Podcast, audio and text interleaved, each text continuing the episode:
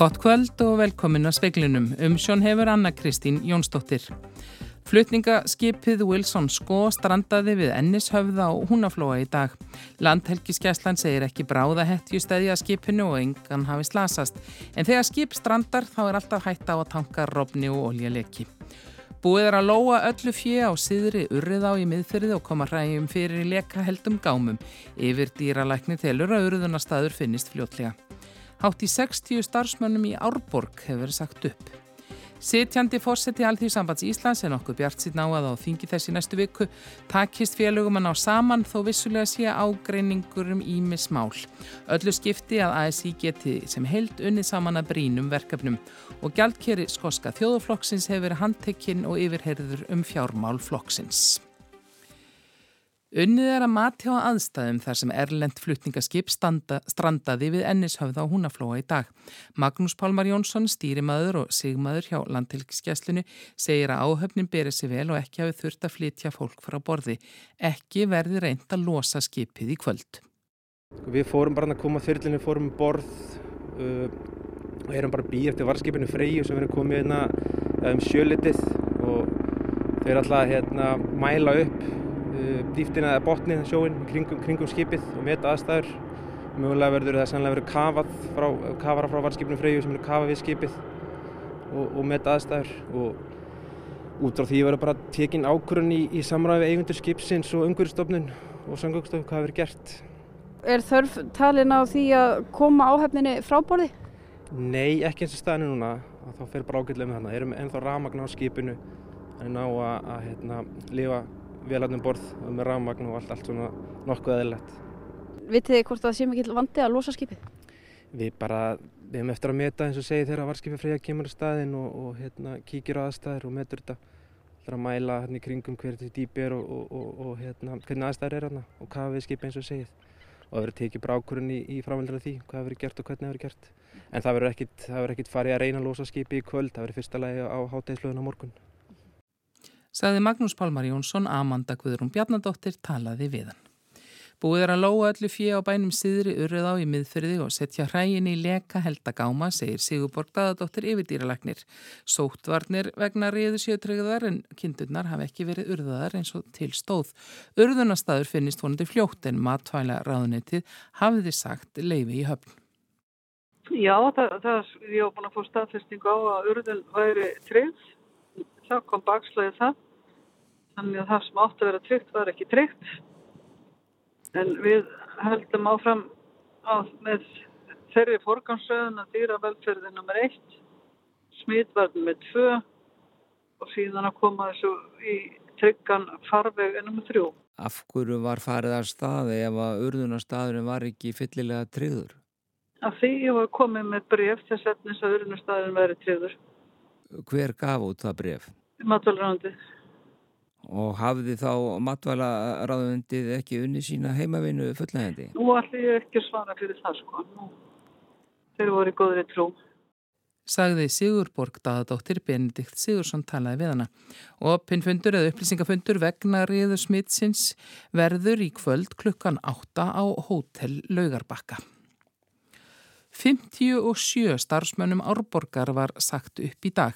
Uppsagnar snerta öll rekstra svið bæjarins og hafa áhrif á um 100 starfsmenn í svetafélinu að því segir í tilkynningu. Aðgerðin er liður í hagraðingu í rekstri. Um leið var tilkynnt um 5% launa lækkun aðstu stjórnenda, bæjarstjóra og sviðstjóra. Árborg hefur átt við alvarlegan rekstrarvanda stríða og skuldir sveitafélagsins nema um 27 miljardum. Framkom á íbúafundi að bærin þyrt að fara í uppsagnir til þess að skera niður auk þess sem stemt væri á, á lóðasölu. 1373 börn fengu leikskólaplás á borgarreknum leikskólum Reykjavíkur í fyrsta hluta útlutunar ásins. Fleiri plásum verður útlutað í setni hluta innritunar sem hefst strax að að segir í tilkynningu frá Reykjavíkuborg og í þeirri setni útlutun fá börn meðal annars plás í nýjum ungbarnaleikskóla sem verður opnaður í haust. Þá er reikna með því að um 350 börn fái plás í sjálfstætt starfandi leikskólum í borginu í ár. Í tilkynningu hennar segir að ekki verði hægt að gefa út marktækar upplýsingar um meðal aldur badna fyrir ný sumar þegar að sjálfstætt starfandi skólanir klára sitt innritunaferli. En komust fleiri yngri börn að í þessari útlutun en þeirri síðustu, já eða útlutunum síðustu missera? Ég myndi að segja að við séum á mjög sambarlegum stað og semstu misseri sagði Helgi Grímsson, sviðstjóri skóla og frístundasviðs Reykjavíkuborgar við Gunnhildi Kjærúlf Birgisdóttur. Réttum mánuður er þar til fjóriði leðtáfundur Evrópuráðsins verður haldin í Reykjavík. 43 þjóðarleðtóðar hafa staðfest þáttöku sín á fundunum þeirra á meðal eru kanslari Þískalands, forsættisráð þeirra Ítalju og forsettar leðtóðaráðs og framkvæmda stjórnar Evrópusambandsins. En er standa vonið til þess að Volodymyr Selenski, fórseti Úkrænu, komi til Reykjavíkur. Þetta er stærsti alþjóðlegi viðbörur sem haldin hefur verið hér á landi og Rósa Björk Brynjólfsdóttir er verkefnastjóri alþjóðamóla og sérum framkvæmdina fyrir hönd fórsætsraðninsins. Nú er mánuð til stefnu og það er allt á fullu. Það er mörg hundru mann sem komað undirbúningi fundarins. Eh, Mestið þungin er líkur hjá auðaríkisráðunetinu en líka hjá okkur í fórsætsráðunetinu, fastanend okkar út í Strasburg en sömulegis líka hjá Ríkislauruglustjóra embættinu, hjá Reykjavíkuborg, hjá Ísafja og svo viðri. Í hverju leikur megin þungin hjá ykkur núna? Megin þungin akkurat núna er, eh, við erum að, að, svona klára að loka hönd á, á eh, samningavirðar um útkomu skjalið vegna þess að við megum ekki heldur gleyma því að það er þungur og alvarlegur undutótn á þessu fundi. Eh, þetta er í fjóra skipti sem að leðtófundur er haldinn í sögu Európuráðsins og ástæðan er náttúrulega stríðið í Úkrænu og svona þörfin á að þjætta ræðirnar í Európu og, og að aðeldaríki Európuráðsins komið sér saman um að leggja áfram þunga áherslu á samstöðu með Úkrænu og sömulegis líka samstöðun á þessi gildi sem Európuráði stendur fyrir. Sagði Rósa Björk Brynjólfsdóttir, Jóhanna Vigdís Hjaltadóttir talaði við hana. Stríðandi fylkingar í Sútan hafa samþygt að gera hlje á átökum í sólaring og vopna hlje hefst í kvölda sögn Al-Arabia fréttastöðurnar. Vopn eru lögniður sangkvæmt samkommulagi herfóringja begja stríðandi fylkinga. Næri 200 hafa fallið í átökum í Sútan frá þjóðlegardag og mörg hundruð særst. Kristinn starfsmæður bandarísku postþjónustunar UPS krefst þess að fá að halda kvíldardaginn heilagan. Krafa hans verður tekin fyrir í hæstarétti bandaríkjana í dag og gæti niðurstaðan haft mikil áhrif á réttindi starfsmanna á vinnustöðum. Maðurinn hefur unnið hjá USPS síðan árið 2012. Eftir að fyrirtækið gerði samningum að flytja sendingar fyrir Amazon hefur hann verið beðin um að vinna á sunnudögum við flokkun. Hann vísar til þess að trúar sinnar vegna ætti hann ekki að þurfa að vinna á kvildardeginum. Yfirmaður hans reyndi að koma til mótsvið hann en árið 2017 var hann aftur beðinum að mæta til vinnu á sunnudögum. Reynd var að finna einhverja til að vinna fyrir hann á kvildardeginum en það tókst ekki alltaf. Hann var ávítur fyrir að mæta ekki til starfa og sagði hann upp störfum árið 2019. Með uppsögninni skilaði hann formlegri kvörtun til postþjónustunar um að honum hafði verið mismunað vegna trúar sinnar. Madurinn fór með málið fyrir domstóla en tapaði bæði í héradi og á fríun sinni. Hann leitaði því til hæstaréttar sem samþykti að taka málið upp. Að sögn fjölmiðla Vestanhafs þykir það benda til þess að hæstaréttur sé ekki sammála úrskurði lægri domstega. Róbert Jóhansson sagði frá. Talið er að miklar sviftingar verði í efstu sætum bestu deildar kvenna í fótbolta í sumar. Spá fyrir deildina var byrt á kynningarfundi í dag. Í ár verður í fyrsta sinn leikið í úrslitakeppni. Slíkt var gert í bestu deild kalla í fyrra. Efstu sex og neðstu fjögur liðin leika einfalda umferð að átjándu umferð deildarkeppni lokinni. Breiðablík sem hafnaði þriðja sæti í fyrra er spáð tillinum en ríkjandi Íslands og byggarmeisturum vals til þriðja og stjörninni öðru sæti. Tindastól og Keflavík er spáð falli. Í næstu viku verður 40. og 5. þingi Alþjóðsambands Íslands framhaldið því að frestaði oktober eftir mikið uppnám þar sem Solveigana Jónsdóttir formaður eblingar, Ragnar Þór Jónsson formaður Vaffer og Vilhelm Birgisson formaður starfskreinasambandsins drógu frambóð sín til fórustu í ASI tilbaka og genga á þingi. Í dag fréttist að því að sátt væri að nást um Finnbjörn Hermansson fyrirverandi formann byggðunar í sæti fórsetta alþjóðisambandsins. Óluf Helga Adolfsdóttir bauð sig fram til fórsita í haust og það frambóðstendur enn. En uppnámið í oktober kom í kjölfar þess að Drífa Snædal sagði af sér sem fórseti aðeins í síð sumars og sagði þá að átök innan verkefliðsreifingarnar og erfið samskipti hefðu verið nánast óbærileg. Á framhaldstingið á Grand Hoteli mæta sömu fulltrúar og höfðu settur rétt í haust, unni verður áfram með sömu gögn og þá höfðu þegar borist. Yfirskriftin hinn sama, við vinnum, fjalla á um líferismál, húsnæðismál og velferð, efna, kjör og skatta, framtíð vinnumarkaðarins, jafnbreytti og mentun og svo kjaramál og vinnumarkað fyrir utan kostningar. Þingið haust átti að gefa upptakt fyrir kjarasamninga vetrarins. Þar fór svo að sami var til tiltulega skamstíma, flestir hafa gengið frá samningum sem gilda út januar á næsta ári. Vísa var til þess að óvisa í efnagslífinu gæfi ekki tilefni til lengri samninga en nú stittist í næstu lotu. Kristján Þórður Snæbjörnsson, formaður rafiðnaðarsambandsins, hefur gengt stöðu fórsetaðis í frá því að drífa sæð af sér. Hann sóttist ekki eftir ennbætti fórseta á þingunni haust og gera það ekki nú, en gefur áfram kost á sér til fyrsta varafórseta. En eru ágreiningsefnin innan verkefliðsreifingarnar og átökina baki?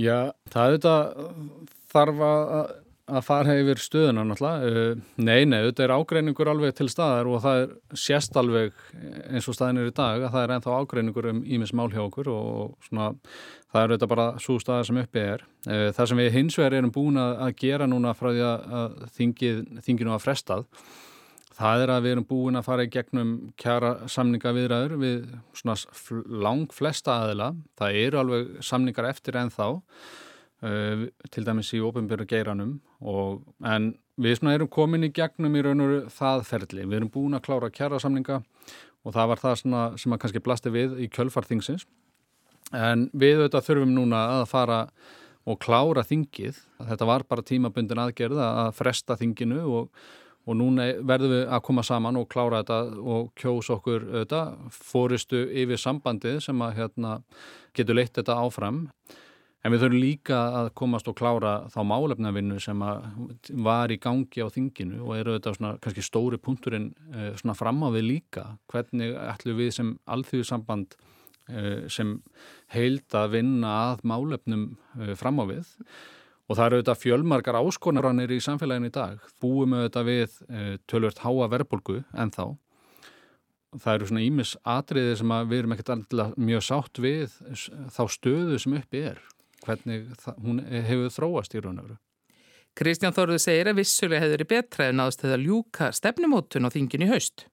Það hins vegar fór bara eins og fór og, og hérna, en gleymum því ekki samt sem aðra að það var farið í gegnum kjærasamninga viðræður, uh, hóparnir vissulega í soldið sundur leitir því miður, en, en náðum hins vegar fínum árangri að mörguleiti og, og það eru þetta bara það sem var mjög aðkallandi í í lók síðast árs var að bregðast við þessum kaupmáttabruna sem við vorum að sáum á þeim tíðanponti. Há verðbólka eins og segi, hún getur niður uh, kaupmáttlauna og það þurft að bregðast við því og það er það sem uh, við fórum í gegnum og náðum að, að tryggja launahækkanir á sama tíma ja, frá því að, að síðasti samningur rann úr gildi. Það var mjög mikilvægt að ná því. Þetta er svona svolítið staðan sem við fórum í gegnum og, og þetta hefði maður vilja að sjá saminæðari e, hópa innan alþjóðsambandsins til þess að beita sér við samningaborðið. Og það eru þetta ákveðin lærdómur af þessu sem við þurfum að, að draga að mínumati. Staðan er ekki ekkert mikið betri núna, við erum sjáum að verðbólgan er herri og það er búið að hækka stýrivexti töluvert mikið, gríðarlega mikið frá því að við skrifum þetta kjársamninga sem við byggumst ekki við Þetta þetta litar klárlega þá stöðu sem að við munum upplifa næsta haust. Bara hvernig förum við áfram við þær aðstæður. Ég og við höfum verið að kalla mjög eftir því að til dæmi stjórnvöld stýi inn í þessa stöðu sem upp er núna e, í efnaðarslífinu og, og þannig eru auðvitað aðriðið sem að við höfum verið að benda á og fólki í okkar hreyfingu verið duglegt við að benda á e, stöðuna til dæmis á fastegnamarkaði, bæði egnar og leigu Fyrstu kaupendur eru í gríðala slæmri stöðu, svo stað er bara vestna, frekar en hitt. Fólk sem er að kaupa sér íbúð skuldsetur sig mikið eða tók lán með förstum vöxtum fyrir þremur árum. Þarna verða stjórnvöld hreinlega að grýpa inn í og leta undir með fólkinu og, og grýpa til einhverja aðgerða sem að hafa áhrif á verðlag til lækunar en ekki eins og var gert um áramótin að auka gjaldskrar eða koma með gjaldskrar og hækkanir sem að hafa verið verðbólgu hvetjandi og ítt undir verðbólgu. Hann segir að hægt veri frekar að sækja fyrir til fjármagsegenda með skatteimtu og láta breyðu bökinn bera meiri byrðar. Verð á nöðsýna vöru með í lækka með tímaböndum breytingum á skatti og draga með úr gjaldtöku hjá því ofinbera. Og þetta eru auðvitað atriðið sem að mörg löndi kringum okkur hafa gripi til eða gripu til fyrir ári síðan. Og sumstaðar er fara að sjást góður árangur af, af slíkum aðgerðum og það eru auðvitað það sem að maður saknar svolítið hérna að það sé komið inn af slíkum krafti að þetta hafi, hafi þessi áhrif. Þannig að við viljum ekki búa við háa verbolgu til lengri tíma og við erum að sjá það ansi víða að það er verið að hækka vöruverð umfram það sem að raunverulega þarf til. Að hagnaði fyrirtækja hefur verið að aukast þó nokkuð mikið og það er ekki verið að skila þeim lækunum sem að hérna, ættu að vera komið fram á ymsum varningi. Það er ekki verið að skila því til neytenda, bara samanberið svo umræða sem hefur verið að undarverðinu, nefni matvöru eða eldsneti, það hefur verið lækkun á heimsmarkaði og, og gengi krónuna styrst. Þetta er einhvern veginn ekki að skila sér alla leið. Það gekk nokkuð brösulegan á samningum milli SA og eblingar og þurfti miðlunatillögu frá settum ríkisáttasemjara til eftir að domstólar höfnuð því að ríkisáttasemjari gæti krafist þess að fá gögg frá eblingu sem voru fórsandi þess að hægt verið að kjósa um fyrri miðlunatillögu. Nokkuð að tala um að auka þurfti heimildir ríkisáttasemjara þó að frumvarp þarum hafi ekki verið lagt fram á yfirstandandi þingi. Kristján Þóruður segir að verkefliðsreifingin telji ekki ástæðu til að breyta núverandi fyrirkomulagi þó að ákveðin öll viljiða. Að auka vald ríkisáttasemjara á kostna þá launa fólks er eitthvað leið sem okkur hugnast að sjálfsögð ekki. Þá ekki að breyta kerfinu og þann hátt að það sé verið að færa takmarka samningsrétt verkefliðsfélaga. Það er bara auðvitað ekki ásættanlegt að stíka eitthvað slík skref. Kristján Þóruður segir að alþjóðsambandið hafa ekki önnur tæki til að vinna gegn sundrungu en að vera vettvangur fyrir aðaldarfélagin og íta undir samtal þeirra á milli en að fari bjart sín inn á þingið. Þetta er sama þingið, þetta er sumu þingfulltrúar og, og það er bara að vera að halda áfram með nákvæmlega sumu dagskrá þannig að við hefum ekki breytt í. Það þarf bara að klára það sem að út af stendur. Náttu vonið allt verði í ró og spekt? Ég er alveg vissum að, að við munum alveg takast á á þinginu í málefnavinnu og í öllum þeim kostningum og öllu slíku sem við förum í gegnum. En ég held að hérna, okkur muni takast það að, að tala saman og, og finna leiðina fram á við. Ég er nokkur vissum að það muni takast að þessu sinni. Saði Kristján Þórður Snæbjarnason.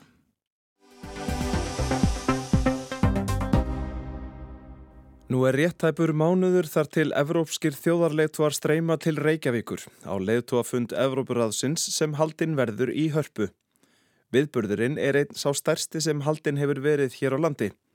46 lönd eiga aðild að ráðinu og búist er við að á gestalistanum verðin upp sem margir þekkja úr umræðu um alþjóða stjórnmál. Nú þegar er staðfest að Ursula von der Leyen fórseti framkvæmda stjórnar Evrópusambandsins og Charles Michel fórsetið leituar ás ESB taka bæði þátt í fundirum. Áður hafði Olaf Scholz, kanslarið Þískalands, staðfest komu sína, eins og á fjörða tug þjóðarleitua. Vonir eru bundnar við að Emmanuel Macron fórseti Fraklands og Volodymyr Selenski fórseti Úkrænu taki einnig þátt, en staðan í kjölfár innrásara rúsa í Úkrænu verður í brennideppli á fundinum. Gestgjafar eru fórstisráþara og utaríkisráþara. Þessi tveggja daga fundur kostar sitt og kemur til með að lita gang samfélagsins meðan á honum stendur. Sangatar ekstrar áallun ríkislauglustjóra er gert ráð fyrir að heildar útgjöld lauröklu gætu numið 1,3 miljardum. Á fjárlögum var reikna með að þessi upphæð er því halfur miljardur. Ekki hafa fengist upplýsingar frá ríkislauglustjóra um hvort að bætt verði í vopnabúr lauröklunar en Siriður Björg Guðjónsdóttir hefur sagt að íbúar höfuborgarsvæðsins megi búast við að sjá vopnaða lauruglumenn í miðborginni meðan fundurinn fer fram. Fyrir utan það verða einnig í fyldarleiðum leðtóna vígbúnir öryggisverðir og laurglumenn frá hverju og einu landi.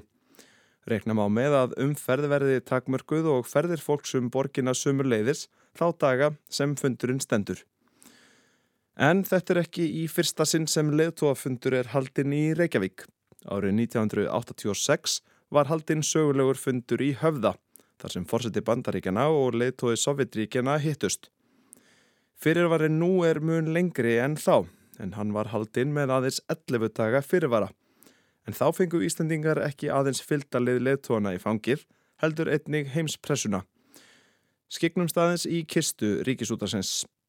Gott kvöld. Ronald Reagan, bandaríkjafórsiti, kom til Keflækuflugvallar klukkan 19 í kvöld á samt fylgdaliði á engaþóttu sinni. Vigdís Fimboadóttir, fórsiti Íslands, Steingrimur Hermansson, fórsættisráþurra og Mattias og Mattisson utan ríkisráþurra tók á móti bandaríkjafórsita. Hann mun dvelja í bandaríska sendiráðinu við Laufásveg en gífulegar öryggisástafanir hafa verið gerðar þar. Til dæmis munu leittóarnir ferðast í brinnvörðum bílum sem hafa verið fluttið sérstaklega til landsins.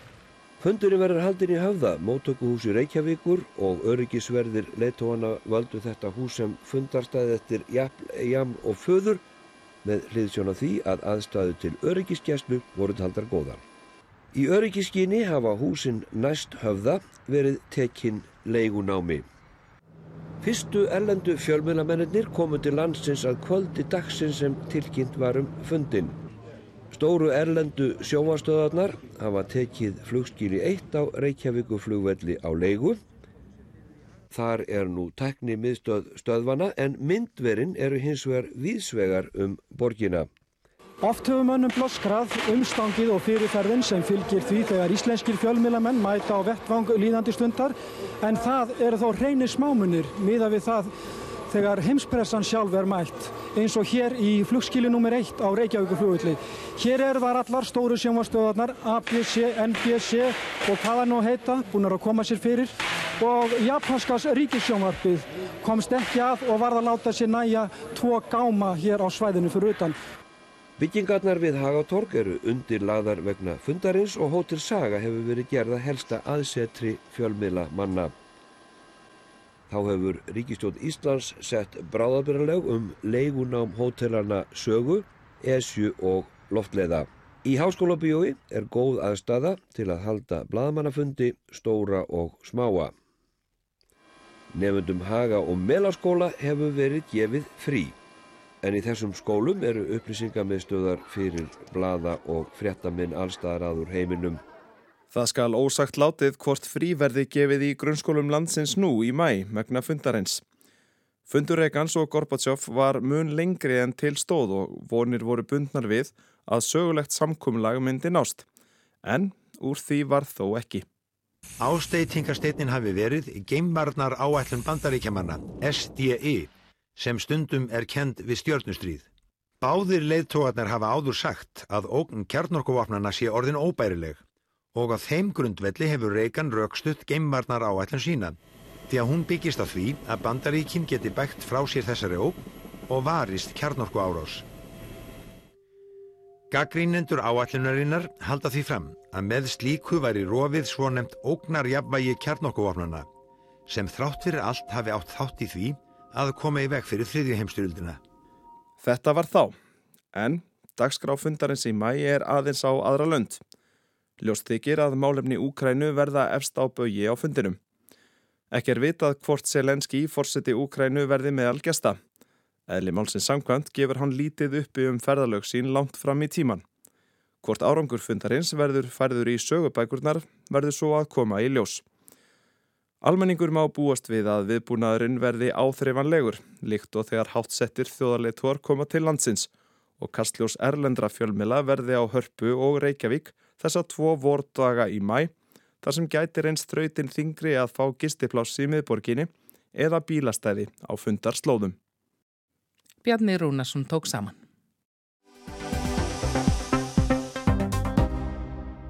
Leðtúar skóska þjóðarflokksins voru bóðaðir til fundar í skyndi eftir að lögregla greindi frá því í tilkynningu í morgun að Colin Beatty, gjaldkerri flokksins, hefði verið handtekinn og fluttur til yfirherslu. BT var reyndar ekki nafngrendur en enginn fór í grafgötur um að um, hann væri sá handtekni þegar lauraglann skýrði frá því að 71 árs Karl Maður væri í haldi vegna rannsóknar á fjármögnun og fjármálum skoska þjóðarflokksins. Emmfremur sagði í tilkynningu lauraglunar Maðurinn er í gæsluvarðhaldi, rannsóknar lauruglumenn skósku lauruglunar yfir heyran. Skýrsla verður sendi ríkisaksóknara og skattarannsóknarstjóra. Málið varðar við lög frá 1981 um ólíðinni við lögumæta úrskurði domstóla og ber almenningi því að sína aðgátt ef um það er fjallað á samfélagsmiðlum. Þar sem rannsóknir í gangi getum við ekki tjáð okkur frekar. Vart fyrir á milli mála að eitthvað er aðtugavert við fjármálskóska þjóðarflokksins. Fyrir þessum mánuði var Pítur Mörrell, eiginmaður Nikólu Sturgeon, fyrverandi fyrsta ráþara Skotlands og fyrverandi framkvamdastjóri flokksins handtekinn. Hann var látin laus án ákæru eftir að hafa verið yfirherður í 11 klukkustundir. Húsleit var gerð á heimilið þeirra í útkvarfi í Glasgow. Láreglan hefur ekki greint frá því hvort hún hafi haft erindi sem erfiði. Colin Beattie hefur settið á skóska þinginu fyrir þjóðarflokkinu frá árinu 2011. Hann varð gjaldkerri flokksins árið 2004 og gengdi ennbættinu til 2020. Þá var kostið milli hans og Douglas Chapmans þar sem sá síðar nefndi hafði betur. Hann sagði af sér ári síðar og gaf þá ástæðu að hann fengi ekki nægar upplýsingar um fjárreiður flokksins. Bíti tók þá við gjaldkerastöðunni að nýju. Hinn nýkjörni leið tói skóska þjóðarflokksins og fyrstir á þeirra heimastjórnarinnar Hún sa Jósaf hvaðst hafa orðið klumsa þegar hann fretti af því að gjaldkerri flokksins hefði verið handtekinn. Hann rétti við frettamenn við komuna í þinghúsið í Edinborg. Uh, well, yes, of course I'm surprised that one of my colleagues uh, has been uh, arrested, uh, but uh, you know, it's a very serious matter indeed. Jósaf hvaðst ekki hafa í hugað að vísa Colin Beattie úr floknum en það væri hver maður saklaus þar til sektans hefði verið sonnuð. Óhætt er að segja að handtakan komi á versta tíma fyrir fyrsta ráþarann. Hann var kjörinn 27. mars og flutti í dag sína fyrstu stefnuræðu. Hún hefði að óbreyttu fengið mikla aðtikli fjölmiðla en þessi stað beindist kastljósið fyrst og fremst að handtöku gjaldkerrans. Að skæfréttastofunar hefur rannsóknir láreglunar og saksóknara ennbættisins fyrst og fremst beinst að því hvað hefur orðið um 600.000 sterlingspund, rúmlega 101 miljón króna. Fér hafið sapnast hjá stuðningsfólki Skoska þjóðarflokksins og átti að renna í baróttuna fyrir því að segja skilið við Breska konungsrikið. Yfirvöldum hafðu borist ábendingar um að upphæðinni hefði verið varið í önnur verkefni. Nikola Sturgeon neytaði því eindreiði sjómarps viðtali eftir að maður hennar var handtekinn og yfirherður að afsögn hennar í februar tengdist málinu og nokkur nátt. Talið er að rannsóknin til þessa hafi leitt til þess að í síðustu viku lagði lágreglan hald á glæsilegan húsbíl sem metin er á 100.000 pund eða um 17 miljónir króna. Hann stóð fyrir utan íbúðurhús aldraðs ættingja Píters Möllers, eiginmanns Nikólu Sturgeon. Humsa Jósaf gengdi ennbætti helbriðisráð þeirra í heimastjórninni áður en hann var kjörinn fyrstir á þeirra. Hann staðfesti við frettamenn að hann hefði fyrst fengið að vita að flokkurinn ætti glæsilegan húsbíl skömmu eftir að hann tók við formennskunni. And when were you told about the motorhome being an asset of the SNP? Shortly after I became leader of the party. Skoski þjóðarflokkurinn er sá stærsti á þinginu í Edinborg. Letóar annara flokka hafa brúðist ókvæða við tíðindum af fjármálum hans. The National hafði í dag eftir Craig Hoy, leðtóa skóska íhaldsflokksins, að rannsókna á skuggalegum fjármálum flokksins væri að geta hann að innan. Umsa Jósaf verður að taka á málunum í stað þess að standa og núa saman höndunum, sagðan. Hann verður að sína að hans sé leðtóin og reka Colin Beattie úr flokknum á samt Peter Murrell og Nicola Sturgeon. Jackie Bailey eh, var að formaður verkamannaflokksins í Skotlandi sagði einnig að rekka í BT. Lindarhyggja og yfirhilming hafði verið látin viðgangast allt of lengi í flokknum. Ásker Tómasson sagði frá. Veður horfur á landinu til miðnættis annað kvöld. Það verður áfram hlý, suðulag átt á morgun og væta með köplum en bjart um landið norð-austanvert. Fleiri er ekki í speklinum í kvöld. Tæknum að það var Þorbjörn Gísla Kolbrunarsson, frétta útsendingustjórnaði Marget Júli Ingimarsdóttir. Verið sæl.